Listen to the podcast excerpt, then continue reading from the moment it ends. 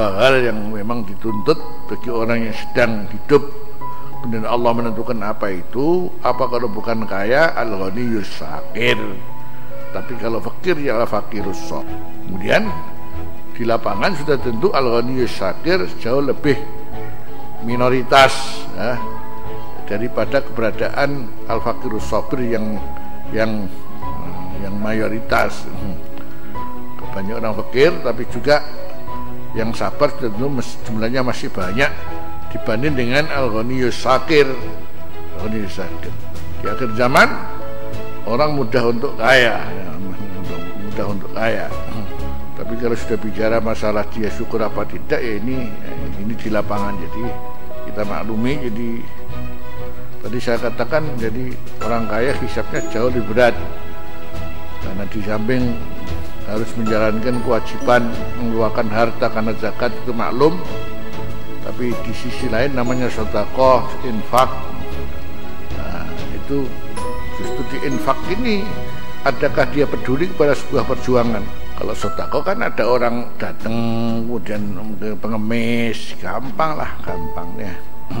Tapi namanya infak itu kan menyalurkan harta ya untuk satu kepentingan yang membuat orang kemudian tanpa harus bertanya dia sudah datang sendiri ke sana. Apakah sifatnya pribadi karena di sana ada anak yatim, ada mbok-mbok rondo umpamanya. Atau sekarang kan di sana ada orang yang mengembangkan pendidikan Islam. Nah, itu kan tidak mesti kemudian sini yang mau ke sana. Nah, ya, datang ke sana nggak proposal orang orang jadi itu mereka lebih uh, peka sopo sing butuh sopo sing butuh? Mencari orang butuh orang butuh. Kalau ini sudah didatangi di luar nisan sebuah proposal ya disengeni barang ini dasarnya penting ya. jadi kalau orang kaya itu ujiannya yang anda lepas dari sifat kikir apa enggak itu jelas itu jadi ujian di situ kalau sudah masuk loman kita sudah bagus. Walaupun loman itu ya kita maklumi ada tiga tiga tiga kelas yang berbeda. Loman sidik sisa sisa akeh. Loman akeh sisa sidik. Utawa loman breh.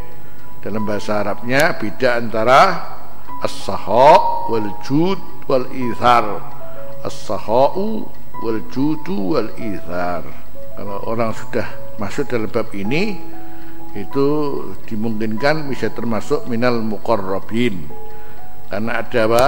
Ada istilah mau e, kalau anda memproses diri untuk jadi mukorobin ada dua hal yang harus anda lakukan. Satu adalah loman, hmm, loman. Yang kedua adalah at-tawadu. Jadi kalau anda ingin masuk dalam kelompok al-muqarrabin didekatkan uh, kepada Allah ada dua hal. Satu adalah mengamalkan kasih sayang dari basmalah yang sehari-hari kita baca. Ya, itu aja sudah melakukan akhlak kasih sayang pada orang lain. Eh, eh, sebagai bentuk aplikasi basmalah kita. Yang kedua adalah at-tawadu. At-tawadu. Jadi itu aja sudah. Eh, at-tawadu ya, andap asor jadi Eh, kita ngerti hidup ini tidak ada apa-apanya. Jadi untuk nah, jadi di satu sisi kemudian manusia dengan karakternya ini membuat kemudian tidak bisa anda pasor uh, kalau innal insana apa layatwa arra'ahus nah itu karakter. Uh, karena itu kalau itu sudah bisa hilang ya berarti didekatkan oh, oh, kepada Allah. Jadi kelompok yang oleh Allah didekatkan kepadanya. Karena karakternya mesti toho toho ilmunya eh, kemudian eh, rizkinya kemudian jabatannya eh, membuat dia toho toho kalau bisa mengikis toho dan kemudian kemudian andap asar nah, itu berarti termasuk minal muqarrabin minal muqarrabin minal muqarrabin. Jadi memang butuh proses eh, yakni bisakah kita termasuk minal muqarrabin? Yang kita sehari-hari mesti waj'al li wajian bid dunya wal akhirah bah ah wa minal muqarrabi zidni ilma wasi'li fi rizki wa barik li fima razaqtani waj'alni mahbuban fi qulubi ibad waj'alni wajian bid dunya wal akhirah wa minal muqarrabin kalau pun donga dhisik wae eh donga sesuai iso minal muqarrabin ya ah. Tapi apa ora dalane mukarrabin apa ora? Mhm.